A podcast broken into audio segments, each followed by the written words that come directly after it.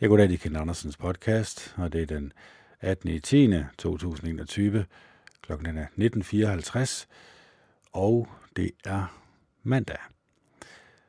Og jeg har jo været på arbejde i dag. Det skal jeg hele den her uge. Det er nu også rart nok at komme i gang igen. Ligesom at i hvert fald at lige have den her break fra øh, skolen. Fordi så lærer man jo selvfølgelig også, at det, det egentlig drejer sig om, det er jo egentlig arbejdet. Det er jo ikke, jo, selvfølgelig skolen og lære noget. Øh, man skal jo gerne blive uddannet smed, når man er færdig. Men at man også lige så kommer tilbage og finder ud af, jamen, der er også stor forskel på at bare sidde på skolebænken og, øh, og ellers komme ud og øh, lave noget mere, end man plejer at gøre med kroppen. Øh, fordi det er jo øh, fysisk arbejde. Det er jo ikke, hvad kan man sige, at man sidder på skolebænken. Så øh, det er nok gavnligt for mig at komme i gang igen, det tror jeg. Det er måske ikke lige det, man siger til sig selv, når man står op halv fem om morgenen, men når man så ligesom først kommer i gang, så øh, er man faktisk glad for, at man kommer ud af døren og kommer ud og opleve noget. Øh, komme ud at, øh, ja, det her med at tjene penge, eller hvad kan man sige, tjene til dagen og vejen, det synes jeg også, der er en god ting. Det er måske også en ting, som mange øh, unge mennesker ikke sådan tænker nøje over. Jeg kan lige prøve at, øh, jeg synes, den er lidt skæv. Lige to sekunder.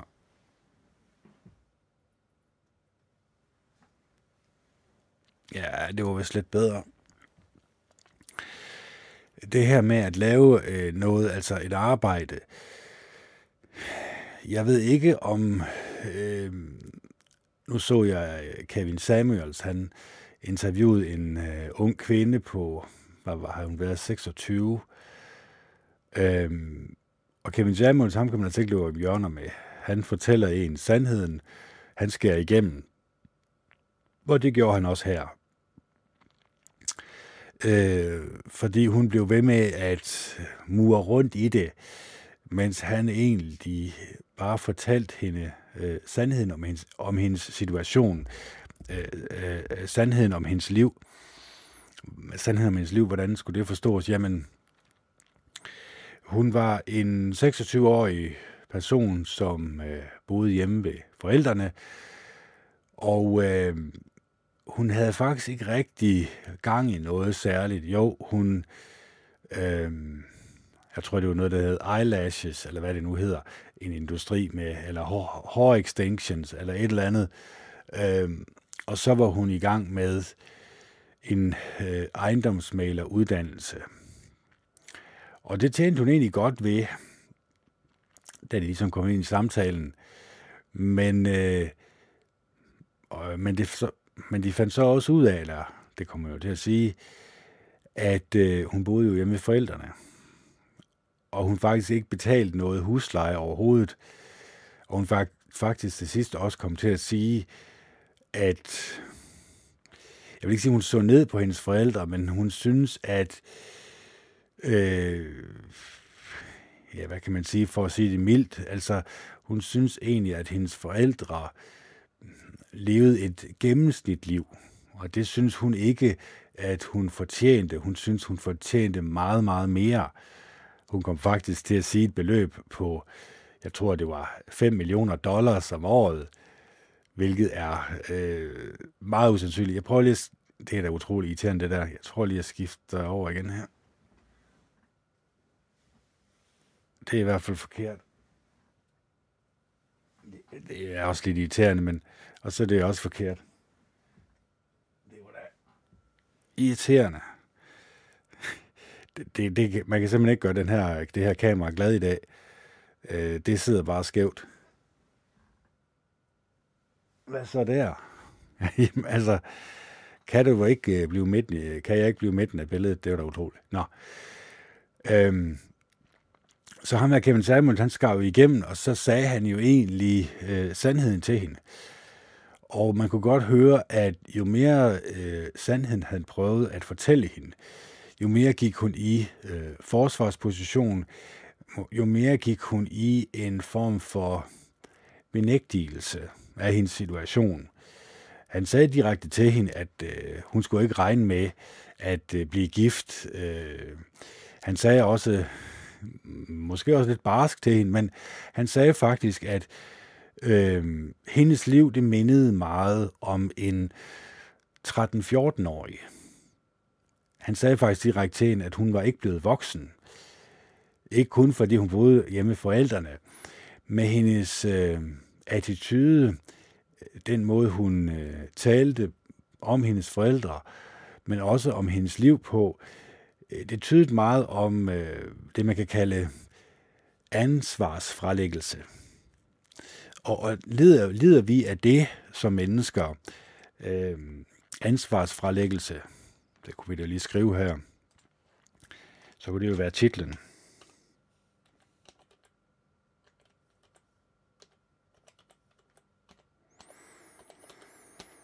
Ansvarsfralæggelse.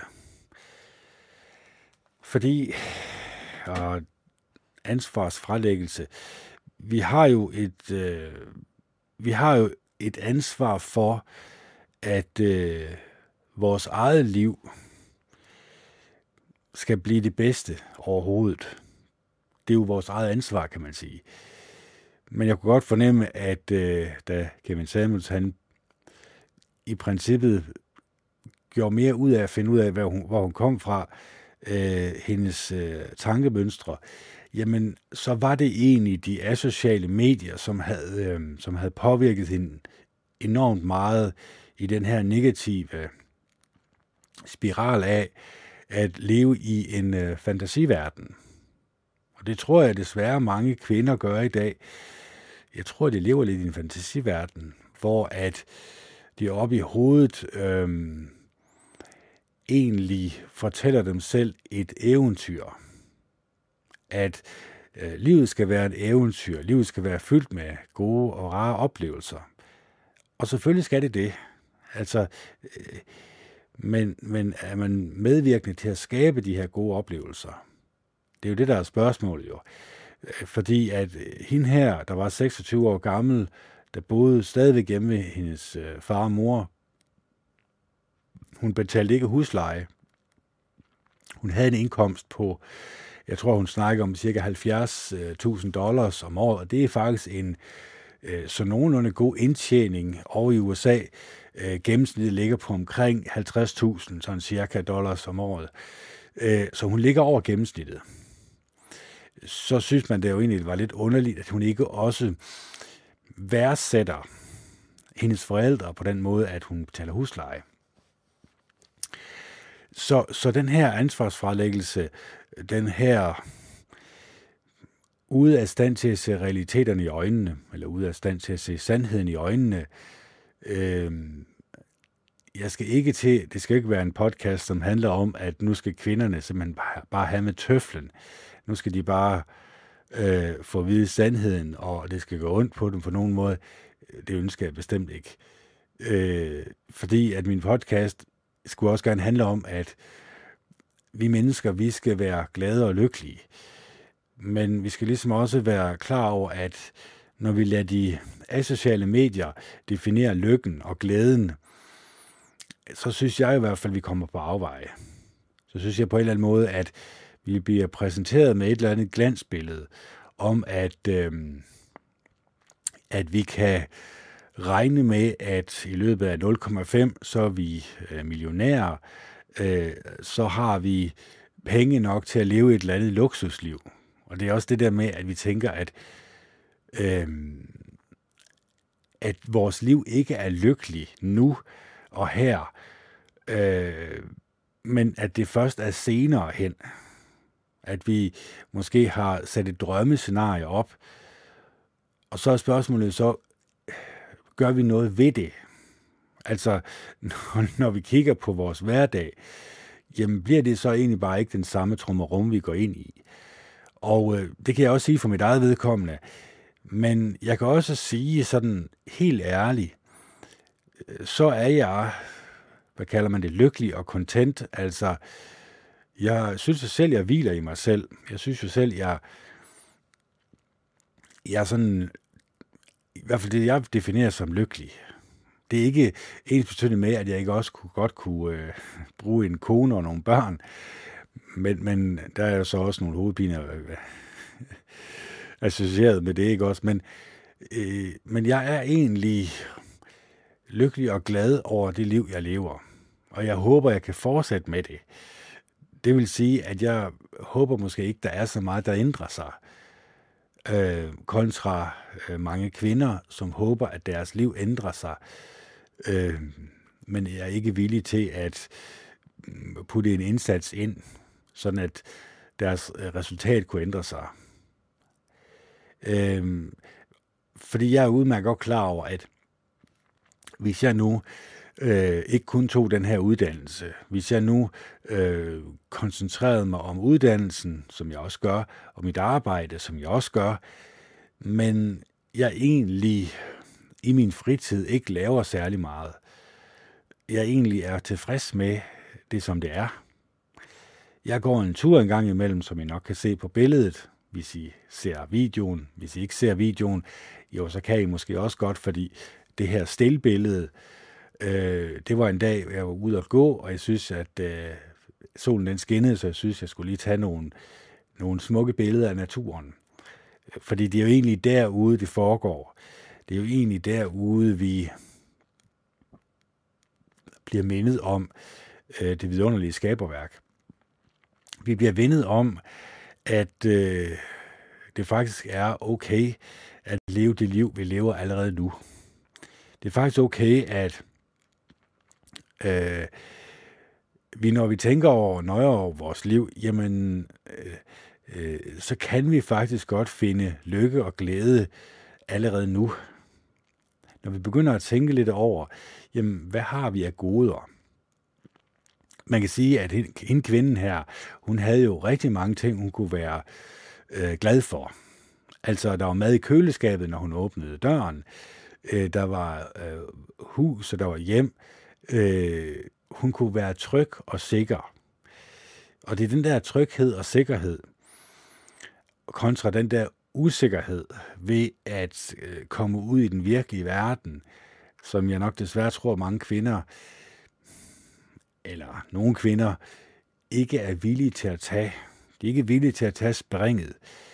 Øh, fordi at det der med at komme out of their comfort zone, altså deres bekvemmelighedszone, jeg skal ikke gøre mig en skid bedre mig selv, altså det er også derfor, jeg siger, jamen jeg kunne jo også, som, siger, som jeg sagt siger, øh, med min uddannelse, jeg kunne jo også, når jeg ikke kunne koncentrere mig om min uddannelse, øh, eller, øh, eller mit arbejde, som er det samme selvfølgelig, det er også en del af uddannelsen, jamen, øh, så kunne jeg jo godt tage til fest hver weekend. Der er der rig muligheder for, at jeg får er til nogle øh, notifikationer ude på fjesen, øh, ude på de sociale medier. Og der kan jeg jo godt se i hvert fald billeder af det, at der er nogle øh, meget kønne og tror jeg også interessante kvinder, man godt kunne øh, tale med. Og det kunne godt være interessant at, at, at høre deres liv og høre, hvad der rører sig i dem. Øh, og så selvfølgelig også have sex med dem, det kunne også være dejligt. Men lad det nu ligge kende, for det kommer ikke til at ske. Sjovt. Øh, men, men det her med, at jeg er jo egentlig i min comfort zone lige nu. Øh, jeg har det egentlig godt og rart. Jeg har ikke sådan rigtig brug for det. Er det det, man kan sige? Jo, det er selvfølgelig klart. Man kan selvfølgelig ikke vide, øh, vide det, før man prøver det, og så kommer til at savne det, det er klart. Jeg kan jo ikke vide, hvordan det er at være i et fast parforhold med et menneske, som jeg elsker, og som jeg vil gøre alt for, når jeg ikke prøver det, når jeg ikke er i et forhold, så, så kan det jo ikke, så kan det jo ikke rigtig, øh, så giver det i hvert fald ikke mening, at jeg siger, at når jeg er egentlig lykkelig og glad lige nu, men jeg kunne godt tænke mig, man kunne godt, altså, og det er også det der med, jamen jeg kunne også godt tænke mig en sportsvogn, jeg kunne også godt tænke mig dit, dut og dat, men når jeg sådan tænker lidt nærmere over det, når jeg øh, går ind i øh, den dybere form for meditation, jamen så må jeg jo selvfølgelig nødvendigvis konkludere, at jeg er lykkelig og glad lige nu og her. Jeg har ikke øh, sådan brug for ret meget mere i mit liv. Det er selvfølgelig klart, at jeg er også godt klar over, at øh, det, der sker i Australien og øh, andre steder i verden, kommer også til at ske i Danmark, og det er lidt, det er lidt træls at tænke på, at, at, øh, at civilbefolkningen har overladt øh, deres øh, friheder så meget, at det nærmest er uundgåeligt, at vi også kommer under et eller andet form for øh, diktatur i den nærmeste fremtid. Men det er der jo ikke nok at ved. Det har mennesker jo selv valgt øh, ud af frygt for en eller anden øh, sygdom, så, øh, så kan man sige, jamen så har man overgivet sine friheder øh, til regeringen, og så har man åbenbart ikke lært af historien, hvad der kommer til at ske hver evig eneste gang civilbefolkningen har overladt frihederne til øh, deres friheder til, øh, til regeringen, så, så kommer der til at ske nogle ikke særlig sjove ting. Men det er der ikke noget at ved.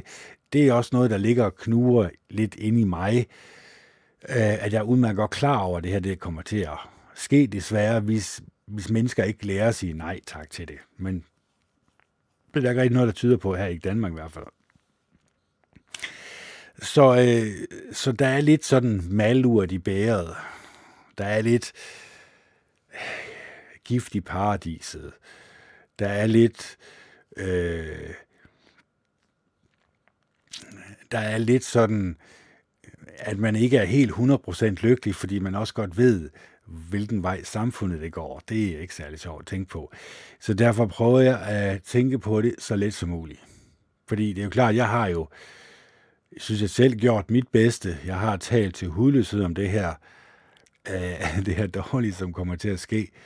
Øh, jeg har talt om det for 7-8 år siden, og der talte jeg også om, der talte jeg også om vacciner, og hvordan det kommer til at ske det her. Men, men der var der ikke nogen, der gad at høre. Så jeg tror desværre, at mennesker er øh, bekvemte ved den situation, de er i. Ellers så vil de jo gøre noget ved det. Og det er også det samme med mig. Jeg er også bekvemt ved den situation, jeg er i. Så jeg gør jo ikke rigtig noget ved at ændre min situation. Jeg, jeg tænker, nå ja, men altså, der er mad i køleskabet, der er mad i fryseren. Jeg har det egentlig godt og rart. Altså, hvad mere har jeg brug for? Det kunne selvfølgelig godt være rart nok, som jeg siger, og det har jeg sagt mange gange før, at man havde en, man kunne tale med, at man havde en øh, soulmate, man kunne dele livet med. Men nu har jeg jo jer, det er jo egentlig nok også nej. Altså, sjovt kendt. Øh, men når jeg sådan prøver at give udtryk for øh, det, der egentlig rører sig nede inde i mig, øh, så prøver jeg selvfølgelig også at jeg vil ikke sige, at skabe et glansbillede, men jeg prøver ligesom at øh, skabe en god atmosfære. At I, øh, når I lytter til min podcast, også gerne skulle, jeg vil sige, blive fyldt med kærlighed og glæde. Det er måske så meget sagt, fordi det er jo klart, hvis en kvinde hører det her, øh, og så især ser det her interview med Kevin Samuels, Kevin Samuels hedder han, øh, øh, så, så vil man nok ikke lige mene, at det var særlig pænt sagt. Men han siger jo ikke noget, som ikke er rigtigt. Altså, hende her kvinden, øh, hun sagde det jo også med, at hun faktisk havde en far, som sagde det samme, som Kevin Samuels han sagde. Så hun havde jo faktisk fået det her at vide, at øh, det her med at tage ansvar for sit eget liv, det er nok desværre svært for rigtig mange kvinder. Øh, men det er måske, håber jeg også, for det er også en wake-up call til hende her kvinden, at hun også godt kan begynde at se, at det her med at tage ansvar for sit eget liv og behandle det med ære og respekt og den alvorlighed, som det egentlig også kræver lidt. Altså, man må jo gerne være lidt forudseende. Fordi det er jo klart, at øh, hende her, hun kunne jo ikke blive ved med at bo hjemme ved sine forældre. Jo, det kan hun jo sådan set godt. Jeg kender flere eksempler på øh, familiemedlemmer øh, i nærmeste familie, hvor at, øh, at de har boet hjemme. Det har også været mænd, der har boet hjemme øh, ja, de, de var 40-50 år gamle. Jeg har også arbejdet sammen med en, der øh, boede hjemme indtil han døde som 50-årig. Så, så jo, det kan godt lade sig gøre. Men er det særligt sundt? Øh, har man ikke gjort det ved en bjørnetjeneste ved at lade dem bo hjemme? Jo, det kunne jo godt tænkes. Men, men det er jo selvfølgelig også op til en selv at indse, at øh, der skal andre boller på suppen, hvis man skal videre med sit liv. Fordi igen, det er jo lidt øv at komme til at indse som 35-årig eller 40-årig eller 42-årig, som jeg desværre er blevet, eller heldigvis, eller hvad vi kan sige, at man egentlig har spildt mange år af sit liv. At øh, mange år af sit liv kunne egentlig have blevet brugt mere konstruktivt.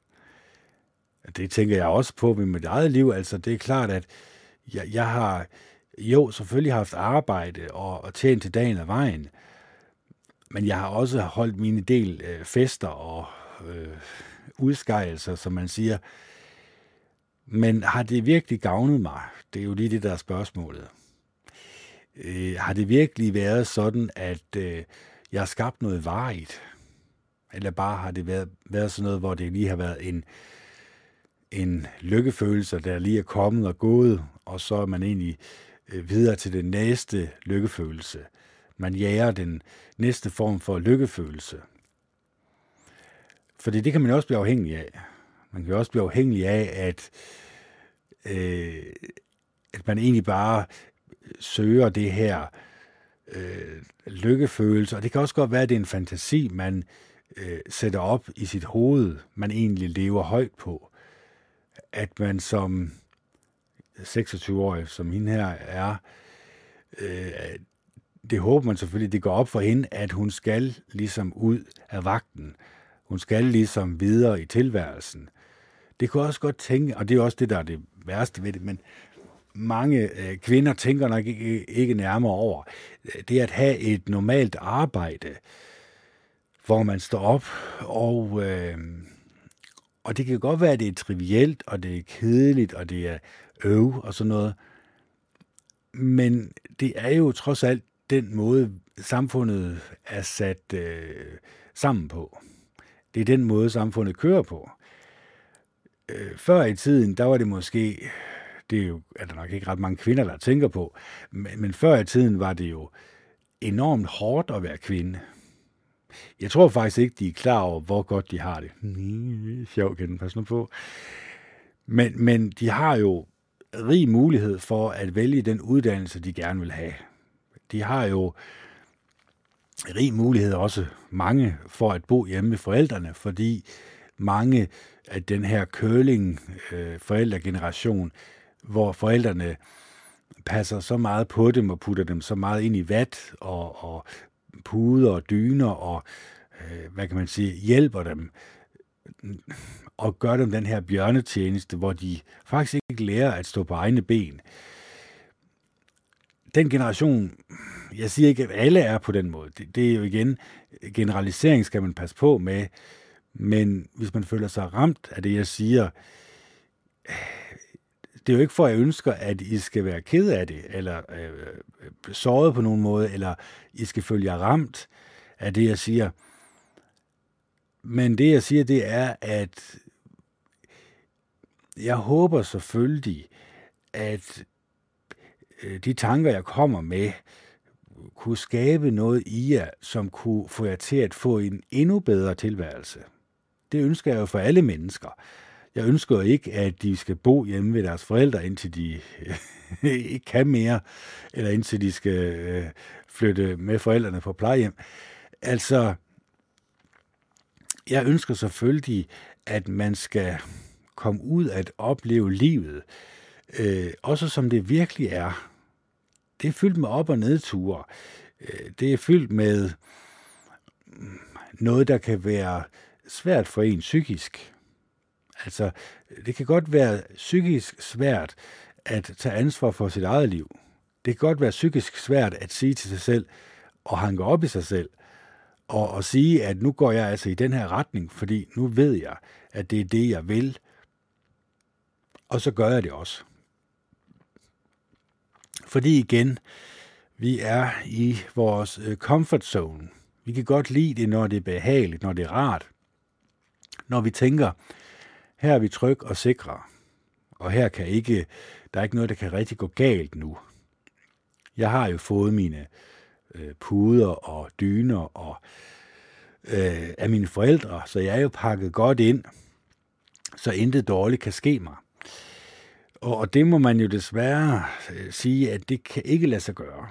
Altså, livet vil være fyldt med op- og nedture. Der vil også være øh, tidspunkter i ens liv, som vil gøre afs og nas. Øh, det kan ikke undgås. Spørgsmålet er så, hvis forældrene så har puttet for meget vat på, kan det så egentlig have den modsatte virkning, når livets realiteter så går op for vedkommende? Det er jo det, jeg er lidt bange for ved den her kvinde, som Kevin Samuels han nu øh, taler med, at det man håber selvfølgelig, det er jo, at hun, det kan ikke undgås, at, øh, at hendes forældre kommer til at se den video. Det kan ikke lade sig gøre andet, fordi øh, i løbet af 12 timer, så havde han allerede 200.000 visninger. Så jeg kan regne ud, når der går et par måneder, så er den oppe på en 2-3 millioner visninger. Det kan ikke undgås, at et familiemedlem eller et nærmest familiemedlem øh, ser den her video. Og det kan jo godt være et wake-up call til forældrene, for jeg er helt 100% sikker på, at forældrene har haft den snak her med hende. Det kunne man også godt fornemme lidt, at de havde. Men, øh, men det er jo selvfølgelig klart, at forældrene er mange gange deres børn værste fjende, eller man kan sige, at børnene vil jo gerne gøre oprør. Så alt det mor, hun siger, og at man skal, det ønsker man selvfølgelig ikke, fordi man vil gerne gøre oprør. Man vil selvfølgelig stadigvæk gerne bo hjemme, fordi det er trygt og sikkert. Så, så, så den her øh, modtryk, kan man sige, det er ikke sikkert, at det er særligt sundt for en. Fordi man kommer ikke selv ud og opleve øh, andre mennesker. Man kommer ikke selv ud at forstå på den måde, at jeg burde jo også tage mig sammen i weekenderne, og så egentlig bare tage ud og opleve andre mennesker. Fordi det er jo egentlig det, jeg egentlig prædiker om i mine podcast. At vi skal ud og virke blandt andre mennesker. Vi skal vise os som gode og rare, næstekærlige mennesker, som vil andre mennesker det bedste. Og øh, vi skal ikke kun i ord, men også i handling øh, lægge de her gode og positive egenskaber for dagen. Men når jeg egentlig bare er på arbejde, på skole, jo jo, selvfølgelig de mennesker, som jeg møder, øh, taler jeg pænt og ordentligt til, prøver at skabe en god stemning, og prøver at skabe et godt indtryk også. Øh, men så er det jo egentlig også det. Jeg har jo ikke skabt noget nært forhold til de her mennesker. Jeg har jo ikke, hvad kan man sige, skabt en mulighed for, at øh, jeg kunne blive nær ven med vedkommende. Jo, selvfølgelig, det er jo det, man starter med. Øh, man skal jo altid lære hinanden at kende inden, men, men og så er der selvfølgelig også en mulighed for det, men, men sandsynligheden for, at det kommer til at ske, er ikke særlig stor. Øhm, så kan det godt være, at så skulle man jo måske i sin fritid øh, også tage med dem ud at spise, eller bowle, eller et eller andet socialt. Og det er nok den der hurdle, som jeg har problemer med. Selv som 42-årig. Ja, det kan godt være, at I, øh, dem, der har mødt mig, synes, at jeg er meget sådan åben og meget, øh, altså, meget social virkende. Og det er jo også til en vis grænse, men, men jeg har også den her øh, tryghedsfornemmelse af, at være hjemme i min egen stue. Det er jo det, jeg sidder og gør lige nu. Jeg sidder jo ikke ude øh, på torvet ude i øh, Skive Gågade og laver min podcast, for eksempel. Fordi det ville jo være lidt mere utrygskabende at se andre mennesker lige pludselig lytte til, hvad jeg har at sige. Det var ikke så godt jo.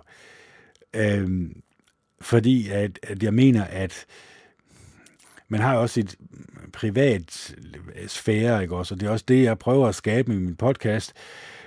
Det er jo egentlig, at jeg skubber min privatsfære væk fra mig. At de egentlig får øh, et ærligt billede af mig det er jo også det, som jeg håber, andre mennesker også får et ærligt billede af sig selv, og så begynder at sige, jamen, hvad er det i virkeligheden, jeg ønsker at opleve det her liv?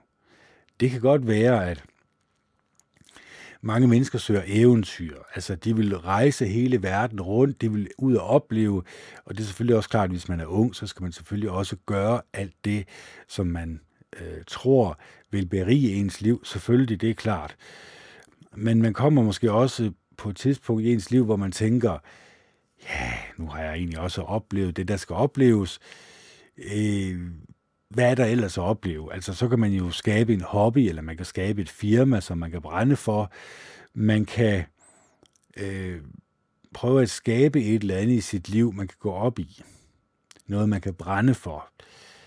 Og, øh, og det er den der hobby, som, jamen det har jeg også haft med højtaler, men der er et problem med højtaler, det er jo, at når man har lavet nok af dem, så kan man ligesom ikke bevæge sig rundt i sit eget hjem længere. Så jeg må også ligesom have... Øh, I har jo set nogle af dem kæmpe store højtaler, som jeg ikke kunne få ind i huset, og som fyldte så meget, så jeg kunne faktisk rigtig komme rundt længere. Så ja, de blev sat over og blev smidt ud igen.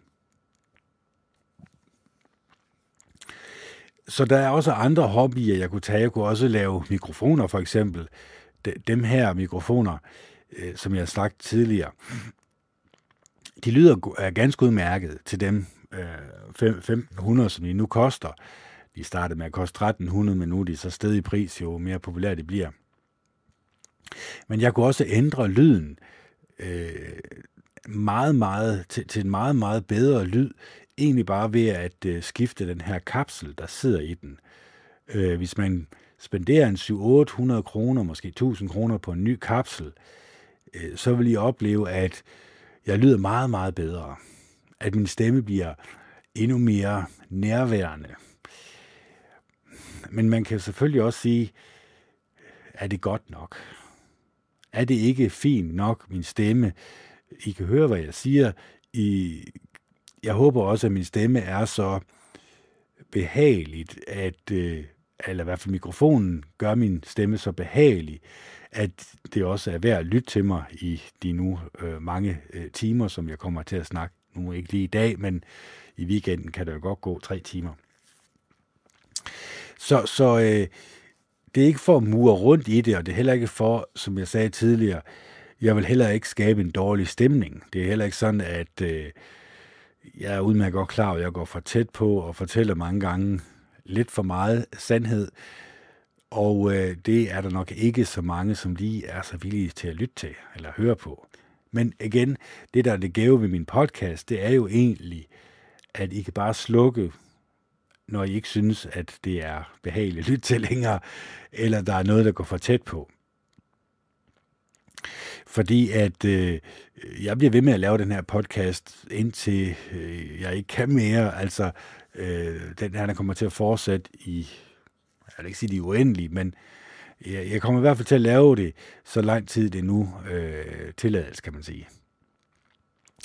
Så, så hvad, det, er jo den, det er jo egentlig også den måde, jeg kan bruge min ytringsfrihed på. Det er jo egentlig ved at ytre mig i den her video, og så prøve at... Øh, ja, det jeg egentlig prøvede på til at starte med, det var jo egentlig Øh, man kan sige, jeg vil egentlig godt afsløre, at det, der skete i verden, og det, ja, det, det var måske lidt naivt af mig at tænke på den måde. Så var jeg jo så Jehovas vidner i 10 år, eller hvad det nu var. Og der, der talte jeg jo meget om øh, Jehova Gud og det her rige, som vil komme, og, øh, og mennesker, som ikke ville ændre sig og blive Jehovas vidner, jamen de måtte jo så kralde af i, øh, i Armageddon og sådan noget. Øh, så kom jeg så til den konklusion, at det var nok ikke lige så hensigtsmæssigt, øh, når jeg ikke troede på, at øh, det var Guds organisation længere. Så kom jeg på en anden tanke, nemlig at, jamen, hvad kunne jeg så lave med min podcast, som, øh, som kunne hjælpe mig selv? Ja, det jeg egentlig ville, det var egentlig fra ende til anden, når jeg startede med at tale til jeg sluttede, øh, så skulle det handle om næstekærlighed, så skulle det handle om mildhed, øh, så skulle det handle om øh, det at være et godt og et rart menneske, det at have gode og rare tanker øh, om sig selv og om andre mennesker, hvordan vi opdyrker dem, hvordan vi gør det til øh, en livsførelse. Og øh, det synes jeg også, jeg har gjort, og jeg synes jo også, jeg kan mærke, at jeg bliver i et meget bedre humør, når jeg har øh, talt, eller håber, jeg har talt øh, godt og pænt til jer, i hvert fald den her time. Jeg har selvfølgelig også taget mange selvhjælpsbøger, øh, og ligesom analyseret dem og prøvet at trække de gode ting ud af, øh, hvad de her andre mennesker har prøvet igennem mange år, igennem forskning, igennem øh, mange møder med rigtig mange mennesker, at forklare, hvordan vi kunne forbedre vores liv, hvordan vi kunne skabe muligheder for, at vores øh, livsglæde blev endnu stærkere og endnu større. Så det er egentlig det, min podcast skulle handle om. Og det er ikke for, som jeg sagde øh, tidligere, at, at nu skal, øh, nu skal alle øh, nu skal alle kvinder have, have dårlig samvittighed, og alle kvinder, der bor hjemme, er ikke noget værd. Altså, jeg kan sige det så meget, at hvis du bor hjemme, jamen, så er du da lige så meget værd som et andet, et, hvert andet menneske. Altså, det, det er da ikke noget, som gør dig mindre værd øh, som et menneske, fordi at øh, alle mennesker indeholder jo uendelig kærlighed, og øh, i større eller mindre grad, der viser rigtig mange mennesker jo den uendelige kærlighed, når de møder andre mennesker. Det kan jeg jo mærke, når jeg taler med andre mennesker, at øh, de vil jo helst gerne have, at man godt kan lide dem, og at man egentlig skaber en god og rar stemning omkring sig. Og det, det tror jeg også, at øh, kvinder, som bor hjemme ved deres forældre, også ønsker. Øh, men jeg tror desværre også, at mange kvinder overtænker situationen. Altså, mange kvinder vil jo tænke om mig, eller, og det er nok nærmest det værste, de kan gøre, øh, tænke, hvad tanker har jeg om dem? Altså, hvad tanker har jeg om dem? Og mange gange, så kan de op i deres hoved øh, skabe en eller anden form for luftkastel, der egentlig siger, at øh, ham der Kenneth, han tænker meget dårligt om mig. Han, taler, øh, han tænker og taler meget nedværdigende til mig. Han taler til mig som et lille barn. Han taler til mig øh, og får mig til at føle mig dårligt indvendigt. Og det er ikke det, der var intentionen. Det, der var intentionen, det var jo egentlig, at du faktisk skulle tænke mere positivt på dig selv. At du måske, når du ser din situation, jamen så ser du en mulighed for at ændre din situation til det bedre. At du ikke ser, at øh, jeg pointerer den situation, du er i, men prøver at jeg vil sige, lokke dig en lille smule til at se derudover. At se en lille smule længere frem. At se, jamen okay, hvis jeg nu spørger mine forældre og siger til dem, jamen øh, kan I hjælpe mig med at øh, skaffe en lejlighed, så jeg kan komme ud, så jeg kan øh, starte mit eget liv. Det er selvfølgelig også et stort spring for mange, men jeg tror, det vil gavne mange, at de kommer ud over deres comfort zone, og så siger til sig selv, ja, jeg vil ud og opleve livet. Jeg, jeg vil ikke bo her resten af mit liv, selvom det er meget trygt og sikkert. Øh, så vil jeg også ud og møde verden og møde andre mennesker. Fordi det er jo egentlig det, jeg vil skabe. Jeg vil egentlig prøve at skabe øh, grobund for et mere lykkeligt og glad menneske. Det er jo klart, at hvis en kvinde eller mand, for den sags skyld, der bor hjemme med forældrene, øh, efter at have hørt den her podcast, øh, kommer på tanker, hvor de tænker, jamen, ja, nu prøver jeg i hvert fald det her.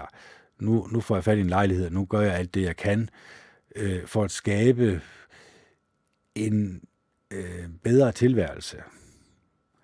Og det er jo også det der med, man er jo lidt bange for at træde ud over det her comfort zone, fordi det er jo også klart, at du træder jo også ud i en verden, jeg vil ikke sige, der er fyldt af ensomhed, det er selvfølgelig så voldsomt sagt, men det er jo på grund af de asociale medier, som jeg mener er noget af det værste, øh, vi mennesker, vi øh, nogensinde har beskæftiget os med overhovedet. Fordi det skaber nemlig ikke et sammenhold. Det, skulle, det er også det, det lyder til. Sociale medier, ikke også? Men, men det er en måde at distancere øh, os fra hinanden på. Og det er selvfølgelig klart, hvis du som kvinde eller mand, der bor hjemme med forældrene, flytter ud, så oplever du den her enorme ensomhed, som det egentlig er at bo alene.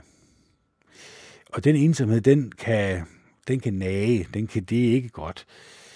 Øhm, så derfor er det selvfølgelig også vigtigt, at du har nogle venner og veninder at, at trække på, øh, som kan hjælpe dig, sådan at du ikke hele tiden føler, at jeg vil sige, væggene trækker sig ind om en, men at man ikke går ind i en depression, for det er jo heller ikke særlig rart.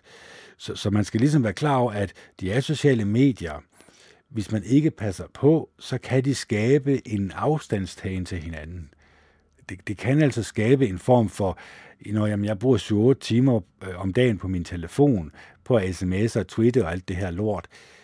Jeg, jeg bruger ikke tid på at øh, kigge andre mennesker ind i øjnene og lytte til, hvad de har at sige, og de lytter til, hvad jeg har at sige. Det er jo det, der er vidunderligt ved en personlig, direkte samtale med et andet menneske, som virkelig lytter til en, og som virkelig vil en det bedste. Det er jo, at den her connection, man får med et andet menneske, det vil jo vokse, øh, og man bliver glad og lykkelig af det. Det er der, hvor glæden og lykken den kommer ind i billedet. Øh, det er jo altså ikke på de sociale medier. Det er jo ikke, at man bruger x antal øh, 10.000, 20.000, 50.000 timer på et helt liv på de sociale medier, det er jo, når du kommer ud og oplever andre mennesker. Så øh, derfor kan det også godt være en... Det kan godt være angstprovokerende at skulle flytte hjemmefra og, og, og leve øh, sit liv alene. Øh, og hvis man ikke kan man sige, laver et sikkerhedsnet, forstået på den måde, at man i hvert fald sørger for at være så hudløs ærlig over for sine nærmeste, og måske også sine nærmeste venner, og siger til dem, og det er jo det, der er det svære, det er jo det svære at tale om følelser. Det er meget nemmere at tale om, at skraldespanden ikke er blevet tømt, eller, øh, eller noget fuldstændig ligegyldigt som vejret, eller et eller andet. Men at tale om for eksempel, at man siger, jamen, øh, når jeg nu flytter hjemmefra, så kunne det godt tænke sig, at jeg kommer til at føle mig ensom. Øh, når jeg gør det, øh, jeg håber ikke, du har noget imod det, men så vil jeg meget gerne have, at vi lige kan trække på hinanden. Og jeg vil også gerne have, at hvis du har den følelse, så ringer du lige til mig, fordi så skal jeg nok være der for dig. Det, det, det er jo ikke nogen, der vil sige højt det, det de tænker, de tænker det meget, ikke også? Og det gør vi jo også, os mænd. Vi har, vil jeg sige, som mennesker, jeg vil ikke sige, at vi har en forkert opfattelse af vores tanker, men vi har nok lavet vores tanker overtage vores liv for meget. Øh, jeg kan jo sige det, når jeg mediterer, eller da jeg startede med at meditere her for et halvt, et, et helt år siden, at øh, mine tanker slappede af. Jeg var ikke så bange længere for at give udtryk for mine tanker over for et andet menneske. Jeg var ikke, hvad kan man sige, så usikker på mig selv. Og det må man jo også sige, det, det har taget mange år for dig at, at finde ud af det, Kenneth, at, øh, at det her med at give udtryk for, hvad man i virkeligheden tænker og føler, øh, det er angstprovokerende for langt de fleste mennesker. Men ikke desto mindre, så tror jeg, det er utrolig vigtigt for os, at vi gør det, fordi det er først, når vi giver slip, kan man egentlig sige, på vores indlukkethed, vores passen på vores tanker, pas på vores følelser. Det er først der, hvor vi virkelig oplever, at livet er værd at leve. For ellers så er der det langt de fleste mennesker, tror jeg desværre, det er ikke noget, jeg ved, men jeg tror desværre, de går igennem livet, hvor de passer på deres følelser, de passer på deres inderste tanker, så meget, at det kan ikke undgås, at de kommer til at føle sig ensomme. Og de kan endda føle sig ensomme, selvom de har 50 eller 100 veninder eller venner. Fordi de ikke tør give udtryk for, hvad de virkelig gerne vil have. Fordi de er selvfølgelig bange for at blive afvist. Men jeg har det på den måde, at jeg vil jo ikke afvise et andet menneske, som, kan man sige, beder om min hjælp. Altså hvis jeg kan fornemme, at et andet menneske har brug for min hjælp, hvorfor skulle jeg så vise mig at være et ondt menneske og sige nej til at hjælpe det her menneske? Så, så jeg tror, vi desværre går rundt med nogle tanker, øh, som ikke kommer til at gå i opfyldelse. Altså, vi går rundt med tanker om andre menneskers tanker om os, som ikke passer, og som ikke kommer til at gå i opfyldelse. Så, så det er lidt den der med, vi har skabt et samfund, hvor vi er asociale, hvor vi er sociale på de asociale medier, altså omvendt tankegang her, ikke også? og, så, og så tror vi egentlig, at vi bliver glade og lykkelige af det.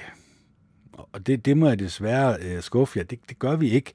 Vi bliver nødt til at komme ud af vores comfort zone. Altså den her bekvemmelighedszone, vi alle sammen er i. Eller som jeg vil ikke sige, alle sammen er i, men det er selvfølgelig klart, at hvis I lytter til den her podcast, og så kan mærke, at der går du nok lige lidt for tæt på, Ken, fordi det er også sådan, jeg føler det. Jamen, så er det jo heller ikke for, at jeg ønsker, at I skal have det dårligt med jer selv. Nej, meget tværtimod. Jeg ønsker selvfølgelig, at I skal komme ud over den barriere, det er. Øh, fordi det er klart, at giver man udtryk for sine inderste følelser og tanker og ønsker over for et andet menneske, så tror jeg des, desværre, eller heldigvis kan man sige, at langt de fleste mennesker selvfølgelig ikke vil afvise det. Langt de fleste mennesker vil faktisk føle det som et stort privilegium, at et andet menneske åbner sig op for en.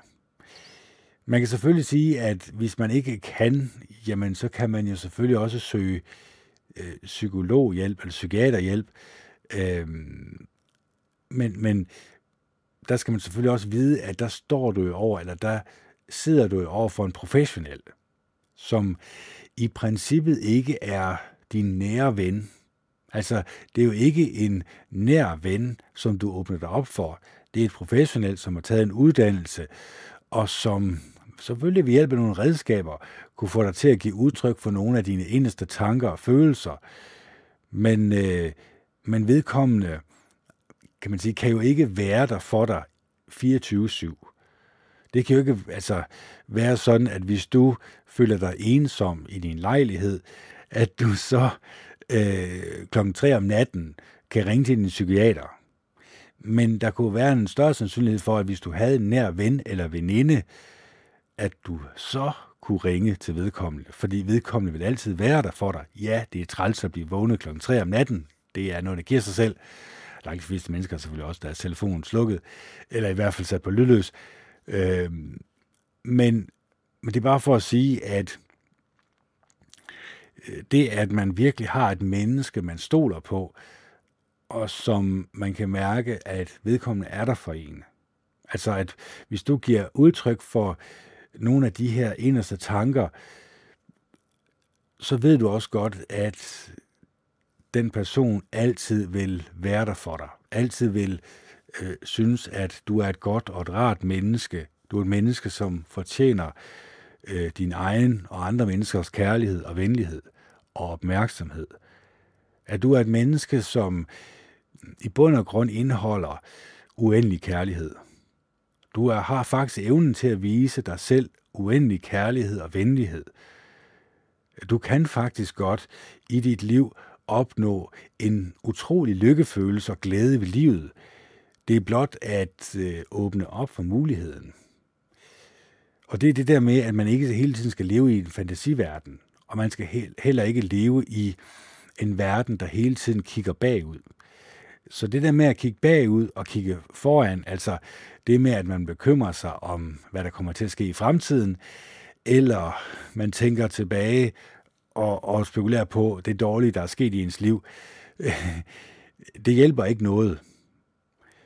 Det, det med at leve lige nu og her, det er der, hvor meditation kommer ind, hvor man lige giver sig en halv time hver dag, lige lukker af, og lige sørger for, at man egentlig bliver grounded.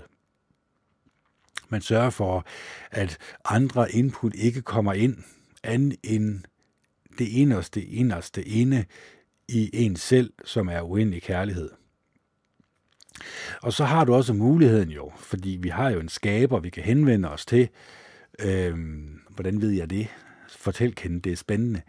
Jamen, altså, det er jo meget nemt for mig at bevise, at Jehova Gud, han eksisterer. Det er utrolig nemt for mig. Men selvfølgelig, at I bliver overbevist, det er jo op til jer selv jo. Jeg plejer at sige det på den her måde. Det gør jeg i alle mine podcast, hvis jeg husker det selvfølgelig. Vi, vi er alle 7,8 milliarder mennesker. Vi stammer jo alle sammen fra et æg og en sædcelle, som stammer fra et æg og en sædcelle, som stammer fra et æg og en sædcelle, osv. osv. Det vil sige, at vi stammer fra noget, som kunne placeres på toppen af knapnålshovedet. Det kunne så også placeres på toppen af knapnålshovedet, det er vores far og vores mor. Det kunne så også placeres på toppen af knapnålshovedet, det er vores bedstefar og bedstemor. Og så videre og så videre. Det, det ser jeg altså som rimelig intelligent lavet. Derfor må der selvfølgelig også være en intelligent skaber bag. Hans navn er Jehova Gud den Almægtige. Alle mennesker kan frit henvende sig til ham. De skal selvfølgelig lige huske at, øh, at afslutte bønden med Jesu Kristi navn, fordi så anerkender man selvfølgelig det her enorme offer. Øh, det har været for Jehova Gud, øh, da han ved hjælp af hans søn viste os vejen. Og det kan man jo læse. Man kan jo egentlig bare tage den simple, hvad kan man sige, historie, som Jesus han gav med den barmhjertige samaritaner. Finde ud af, hvor vil man egentlig gerne placere sig selv i den historie. Man selvfølgelig gerne være som barmhjertig samaritaner, det vil vi alle sammen. Så kan man så sige, eller spørge sig selv, gør man så også det? Og når man så begynder sådan at tænke lidt nærmere over det, eller bjælken i sit eget øje, hvorfor, øh, hvorfor fjerner du ikke den i forhold til splinten i din brors øje? Hvorfor ser vi altid andre menneskers fejl, men vores egen fejl, dem kan vi ikke få øje på? Øh, Øh, sådan nogle små ting, vi egentlig godt kan tænke over, som gør, at vi kommer tilbage til vores medmenneskelighed, øh, det synes jeg i hvert fald, der er gavnlige. Og så selvfølgelig også, at vi sådan set ikke skal være så bekymrede over at dø, fordi vi alle sammen får en opstandelse. Det ligger helt fast, fordi Bibelen siger direkte, at øh, når vi dør, jamen så er det, døden betaler, det er egentlig synden. Altså, vi har alle sammen syndet, vi har alle sammen begået fejl, vi har alle sammen gjort noget, som vi ikke skulle, øh, vi har alle sammen sagt noget, vi ikke skulle. Så når vi dør, jamen så betaler vi egentlig den pris. Så er den betalt. Så behøver vi ikke at spekulere længere over det. Så får vi så en opstandelse. Det vil sige, øh, det er jo også selvfølgelig grunden til, at Jesus Kristus han blev oprejst fra de døde. Det er jo igennem hans opstandelse, at vi får en opstandelse. Fordi det er jo ham, der har ligesom betalt den her løsesum. Og man kan sige, når han så har betalt den her løsesum, så behøver vi egentlig ikke så meget at spekulere over af døden, som vi egentlig skulle egentlig tænke over vores liv. Hvordan lever vi vores liv? Er vi øh, villige til at sige nej tak til skraldespanden? Skraldespanden er jo det, som Jehova Gud han hader.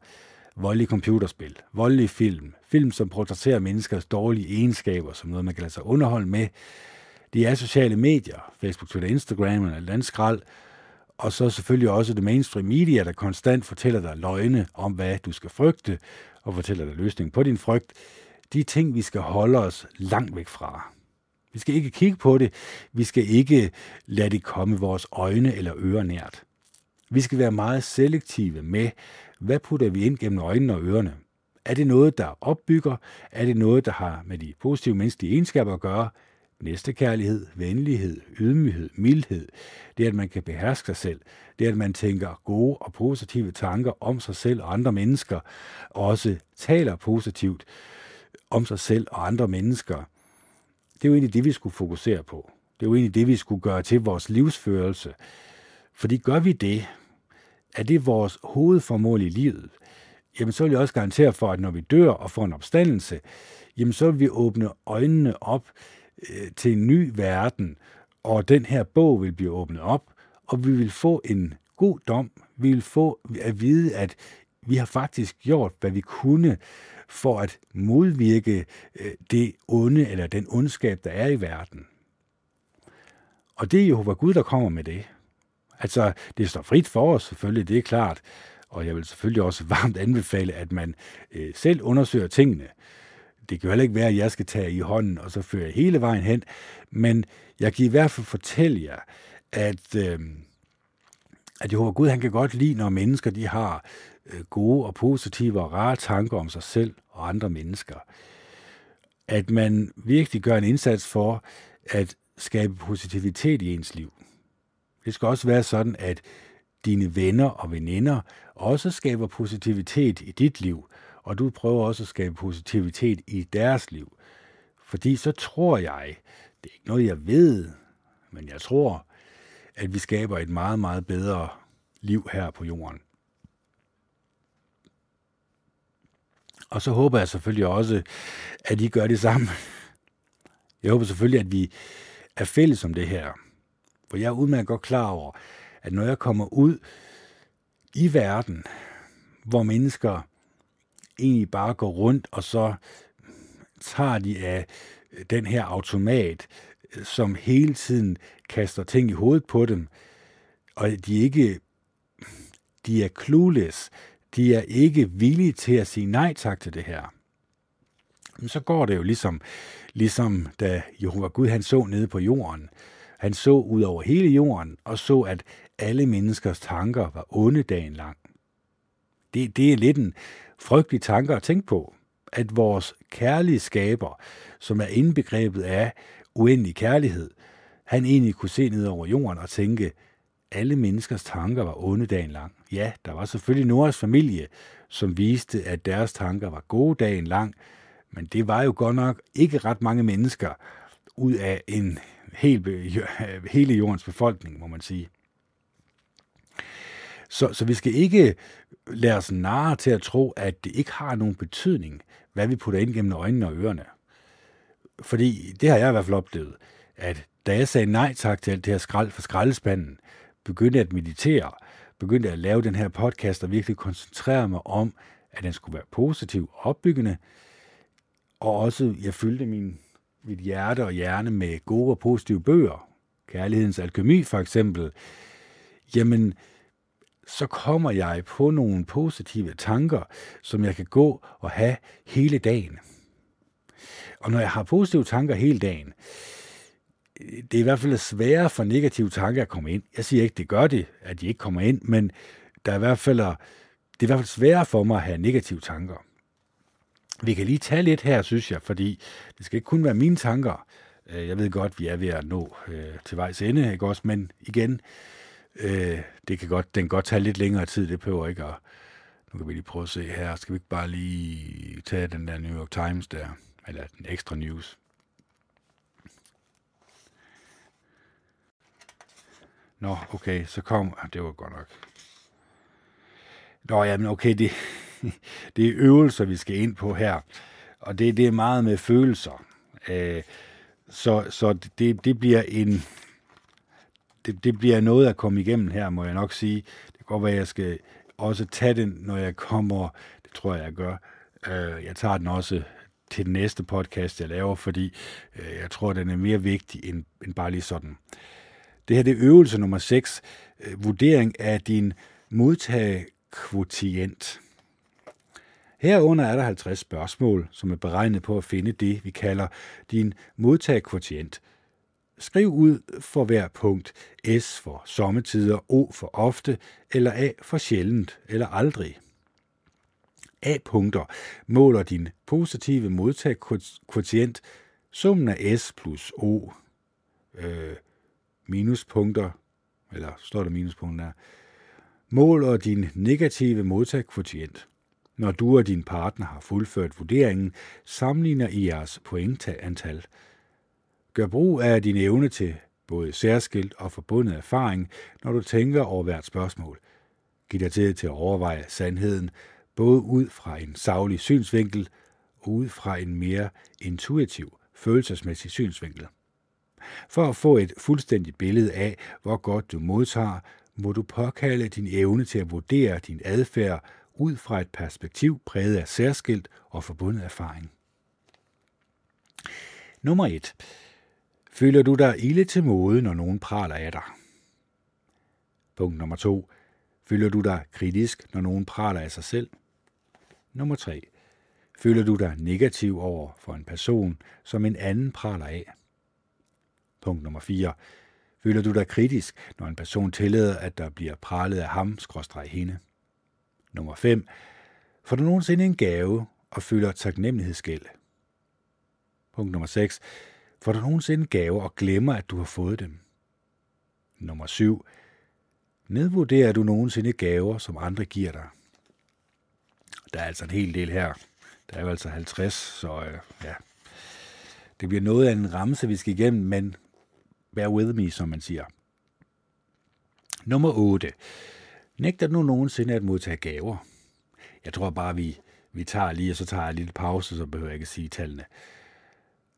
Aflyder du nogensinde komplimenter, når du får dem? Beder du nogensinde om noget, får det og finder fejl ved det? Konstaterer du nogensinde, at du hovedsageligt kun husker det dårlige? Beder du nogensinde om noget, får det og glemmer så, at du bad om det? Beder du nogensinde om noget, får det og glemmer så, at du fik det? Beder du om det samme igen og igen? Forekommer det der nogensinde, at ingen ønsker, at du får det, du gerne vil have? Fortæller du nogensinde historier om, at du ikke fik det, du bad om? Siger du nogensinde, jeg ønsker, at du giver det, og når din partner gør det, siger du, at han, hun kun gav det, fordi du bad om det.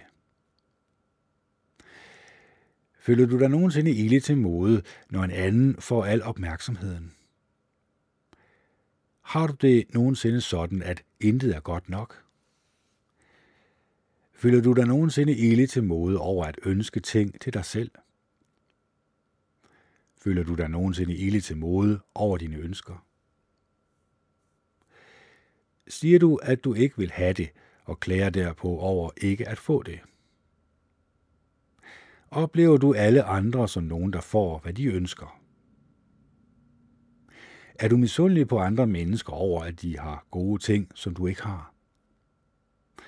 Har du nogensinde svært ved at acceptere andres positive vurderinger af dig, din værdi, dine evner? Ser du nogensinde en anden modtage noget, som du ikke føler, at han eller hun fortjener? Føler du dig nogensinde ilde til mode over at give dig selv noget? Føler du dig nogensinde kritisk over for en, der klynker?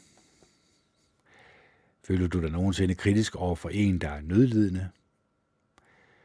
Føler du dig nogensinde som et dårligt menneske? Føler du dig nogensinde værdiløs? Føler du dig nogensinde som en fiasko? Føler du dig nogensinde nedtrykt? Føler du kronisk vrede mod andre, som har held med sig? Føler du det nogensinde, som om du fremviser et falsk godt jeg og skjuler dit sande slette jeg? Har du nogensinde svært ved at forestille dig, hvorfor andre kan lide og tager imod ros? Føler du dig nogensinde kritisk over for mennesker, som beder om at blive beroliget? Føler du dig nogensinde ille til mod over for mennesker, som ønsker pleje? Føler du dig ille til mode, når andre mennesker beder dig om ting? Føler du det nogensinde, som om du ikke har noget at give? Synes du nogensinde, at hvis du tager det, du beder om, kan du ikke bede om noget som helst andet? Føler du nogensinde, at hvis du får, hvad du ønsker, kan du ikke klage mere? Bliver du jaloux på dem, der har, hvad de ønsker?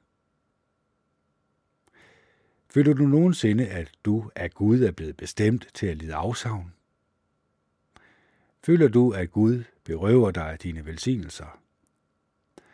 Får du nogensinde et kompliment og tænker, hvis du vidste, hvordan jeg virkelig er, vil du ikke sige det? Føler du dig nogensinde ubrugelig? Får du nogensinde gaver for derpå at give dem bort?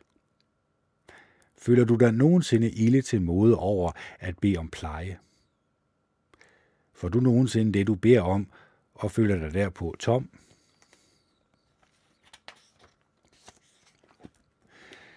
Hvert punkt på listen tæller to point, så der bliver 100 point i alt. For at beregne din positive modtagskvotient, tæller du de punkter, der er markeret med A, og gange med 2. For at beregne din negative modtagskvotient, tæller du de punkter, der er markeret med S og O, og gange med 2.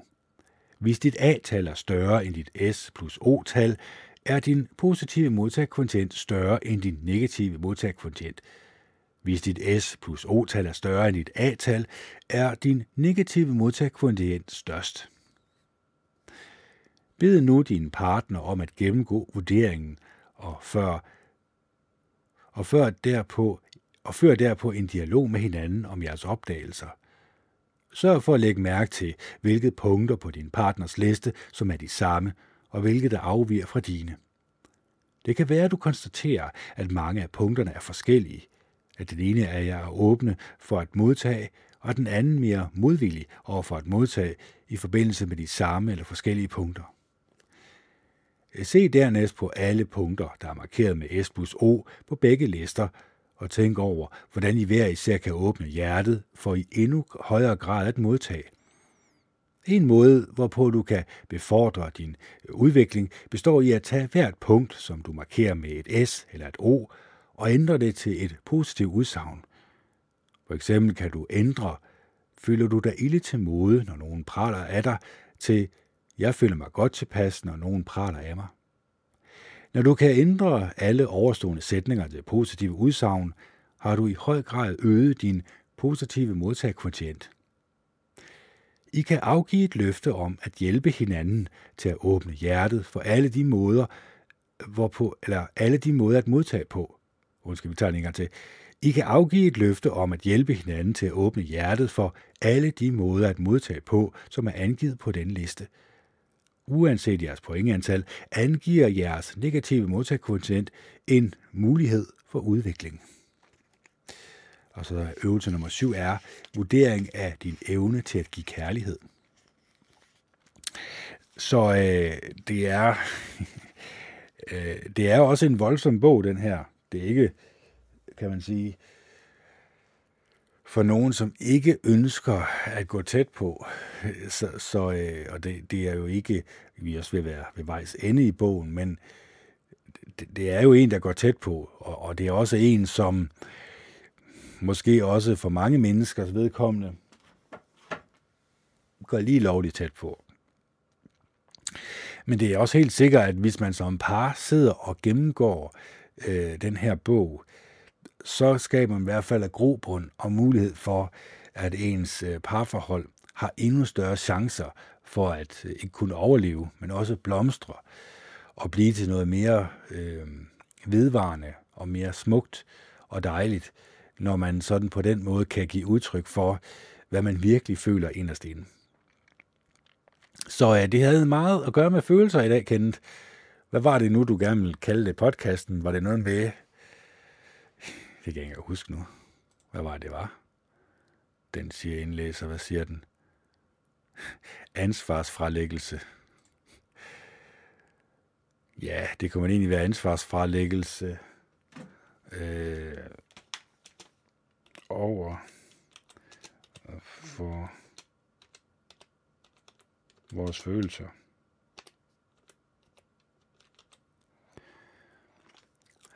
Eller ansvarsfralæggelse over for, hvordan vi føler det enest ene. Men ja, det ved jeg ikke. Det må jeg lige tænke lidt over, hvad det kommer til at hedde. Det skulle jo også gerne være en titel, der øh, tiltrækker kendt. Det synes jeg ikke lige, den her den gør. Der er ikke mange, der gider. Det lyder lidt sådan træls, det der at lytte til.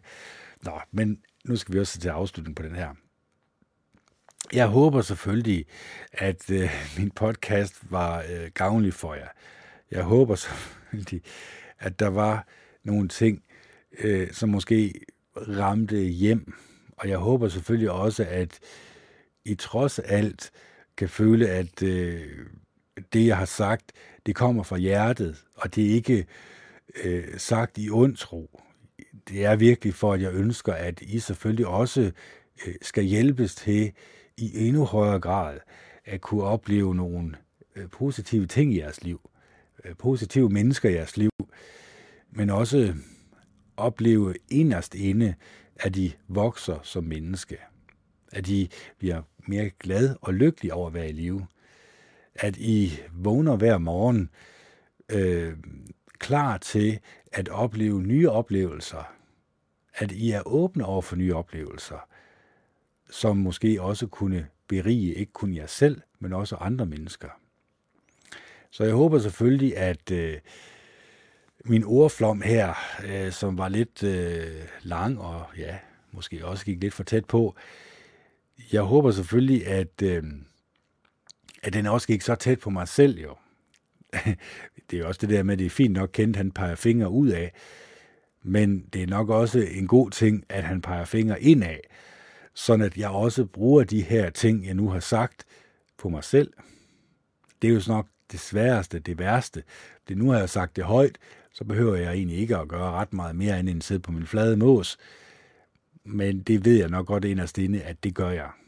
Hvis jeg også skal ændre den måde, jeg øh, tænker på mig selv på, på en mere positiv måde, øh, så er det jo også mig selv, jeg skal arbejde på. Jeg kan ikke arbejde på andre og så regne med, at resultatet kommer til, til mig selv. Det er mig selv, jeg skal ændre. Det er mig selv, jeg skal arbejde på. Og det er selvfølgelig også det, jeg håber på, at min øh, podcast kan få mig selv til at indse.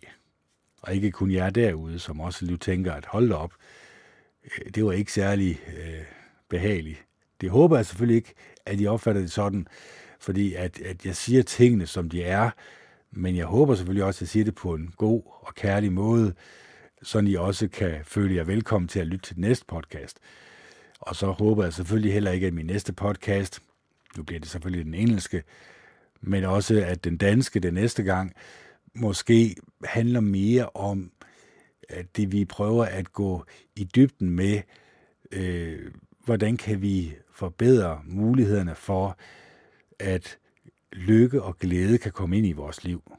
At vi er åbne over for, at vi, altså vores selv selvfølgelig, at vi er åbne over for os selv, at vi åbner os selv op, øh, men også at vi åbner os op over for andre mennesker, og den mulighed det er at lære andre mennesker at kende på et dybere plan. Så øh, det er det Ken Andersen, der signer off. Jeg håber selvfølgelig, at øh, I elsker hinanden og er gode rare ved hinanden. Jeg håber selvfølgelig også, at kærlighed og glæde og venlighed og ydmyghed og mildhed må også blive en del af jeres liv, og at I også øh, bliver ved med at tænke positive tanker om jer selv og andre mennesker. Fordi at øh, jeg elsker jer meget højt, og jeg ønsker også, at I skal elske jer selv meget højt, og I skal elske jer så højt, at I faktisk også begynder at arbejde på jer selv på en måde, at I ved, der kommer til at berige jeres liv. Der kommer til at skabe mulighed for, at jeres hjerter øh, og jeres sind bliver åbne over for øh, jeres egen og andre menneskers øh, kærlighed og venlighed. Og så kan man ikke råbe ret meget mere. Så kan man sige, at hvis alle mennesker gjorde det, 7,8 milliarder mennesker sagde nej til skraldespanden, og sagde ja tak til at arbejde på sig selv på den her måde, så tror jeg faktisk, at når man kommer ud i verden og møder andre mennesker, øh, så vil man nok også møde en hel masse mennesker, som smilede og var glade. Og det kan man så prøve at prøve at lægge mærke til, når man går ud i verden. Prøv så at lægge mærke til, hvor mange mennesker smiler og er glade. Det har jo også en indikator på, hvordan samfundet har det, kan man sige, med de mennesker, der er i samfundet. Er det nogen, som virkelig arbejder på at sige nej tak til skraldespanden, og ja tak til at fylde sit hjerte og sind med gode og positive ord og tanker. Nå, det bliver vi ikke kendt, og det skal du også lade være med. Så øh, det her, det kan Anders, der signer off. Det er den øh, 18. i 10. 2021. Klokken den er 21.08, og det er mandag. Hej hej.